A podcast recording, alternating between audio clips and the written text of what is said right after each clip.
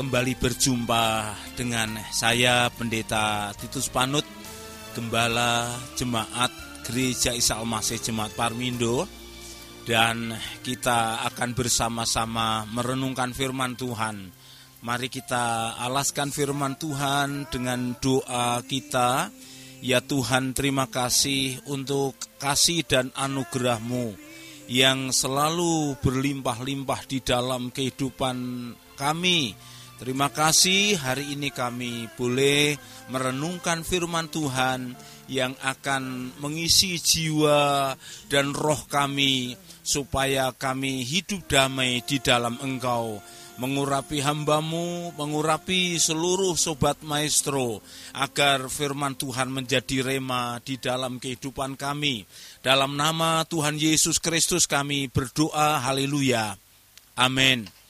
Sobat maestro kekasih Tuhan, hari ini saya akan membaca firman Tuhan dari kitab keluaran pasal 16. Kitab keluaran pasal yang ke-16 ayat 11 saya mulai sampai dengan ayat yang ke-15 firman Tuhan berkata demikian. Lalu berfirmanlah Tuhan kepada Musa, Aku telah mendengar sungut-sungut orang Israel. Katakanlah kepada mereka, pada waktu senja kamu akan makan daging dan pada waktu pagi kamu akan kenyang makan roti.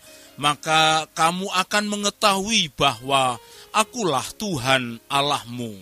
Pada waktu petang datanglah berduyun-duyun burung puyuh yang menutupi perkemahan itu.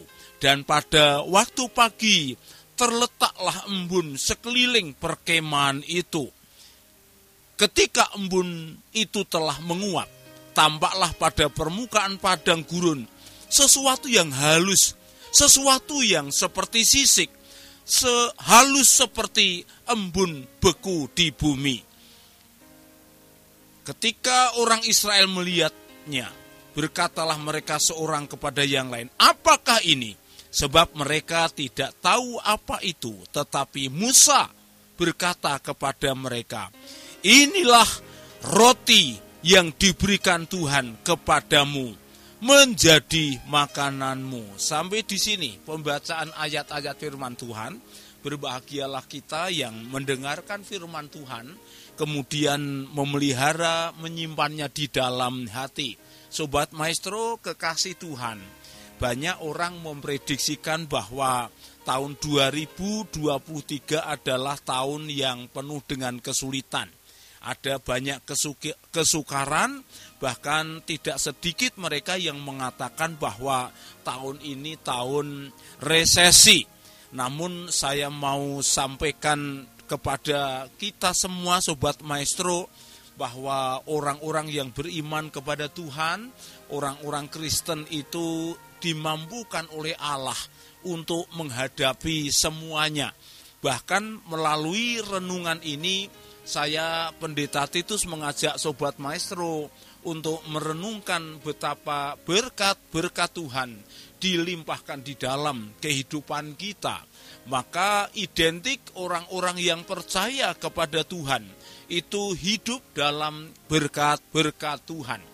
Nah apa yang harus kita renungkan berkaitan dengan berkat-berkat Tuhan? Dari kitab keluaran pasal 16. Saya mengajak uh, sobat maestro merenungkan dua hal untuk membahas membicarakan soal berkat Tuhan maka kita harus menyadari kita harus memahami siapakah diri kita di hadapan Tuhan ayat-ayat tadi menjelaskan kepada kita bahwa bangsa Israel itu adalah bangsa mudah bersungut-sungut mereka bersuka cita saat semua keinginan apa yang diharapkan itu terpenuhi dan tercapai.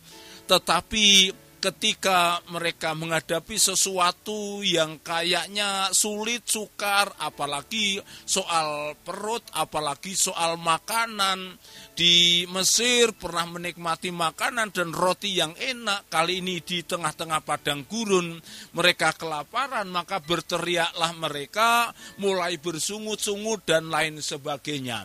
Memang orang Israel adalah orang-orang yang gemar bersungut-sungut bahkan yang mengatakan bukan e, kita, bahkan Allah sendiri, orang Israel, orang-orang pilihan Allah adalah orang yang bersungut-sungut. Sebenarnya keadaan kita selaku orang-orang yang berharap kepada Tuhan sesungguhnya tidak jauh berbeda dengan orang-orang Israel, saudara-saudara. Bukankah kita sering bersungut-sungut? Bukankah kita sering mengatakan sesuatu ketidakpuasan? Bahkan tidak sedikit orang percaya yang mempertanyakan Tuhan, di manakah pertolonganmu? Di manakah engkau ketika kami dalam kesusahan? Di manakah engkau ketika kami dalam kelaparan? Di manakah engkau ketika kami dalam kekurangan? Di manakah engkau ketika kami dalam keadaan sakit? Namun sobat maestro yang dikasih oleh Tuhan, dalam keadaan seperti itu, Hal-hal seperti itulah yang harus kita sadari. Kita rentan, kita rapuh, kita sering mengeluh, kita sering mempersalahkan Tuhan barangkali. Namun ini yang harus kita sadari bersama-sama di hadapan Tuhan. Maka renungan kita yang kedua, sekalipun kita dalam keadaan semacam itu, Sobat Maestro, toh berkat Tuhan dilimpahkan di dalam kehidupan kita.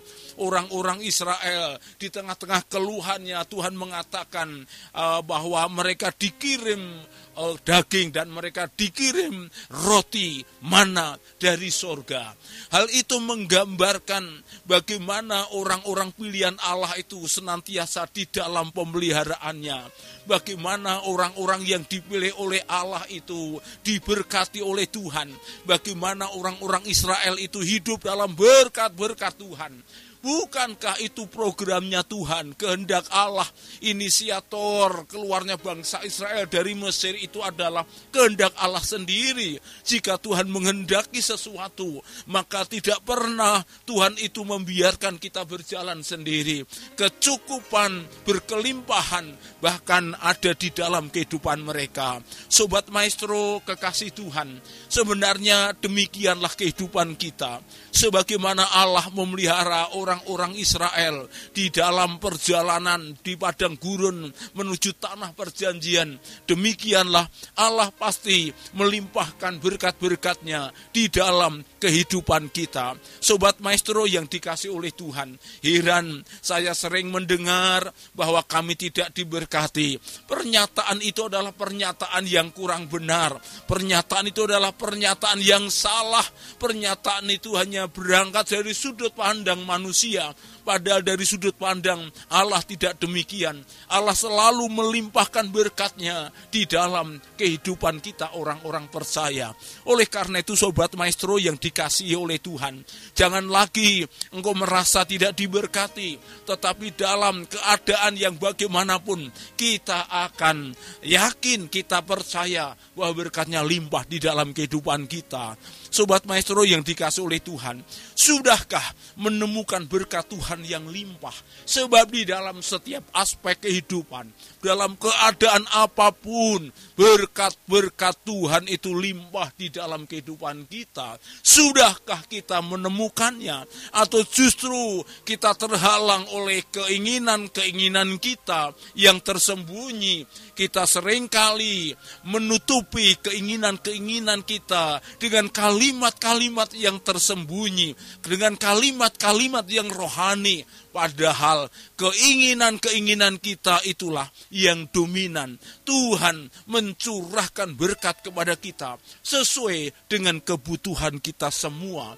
Oleh karena itu sobat maestro yang dikasih oleh Tuhan, mari kita terus bersandar, kita terus berharap, meletakkan kehidupan kita seluruhnya dalam tangan Tuhan. Percayalah hari ini dan sampai selama-lamanya dia Tuhan tidak akan pernah meninggalkan kita semua. Hiduplah di dalam Tuhan, hiduplah di dalam berkat-berkat Tuhan. Inilah firman Tuhan yang harus kita renungkan, yang menjadi penghiburan buat kita semua. Amin. Kita berdoa. Bapakku di dalam surga, terima kasih untuk firman Allah yang amat sangat indah menolong kami untuk kembali kami membuka pikiran kami bahwa sesungguhnya walaupun kami berdosa, kami selalu mendapat berkat dari Tuhan.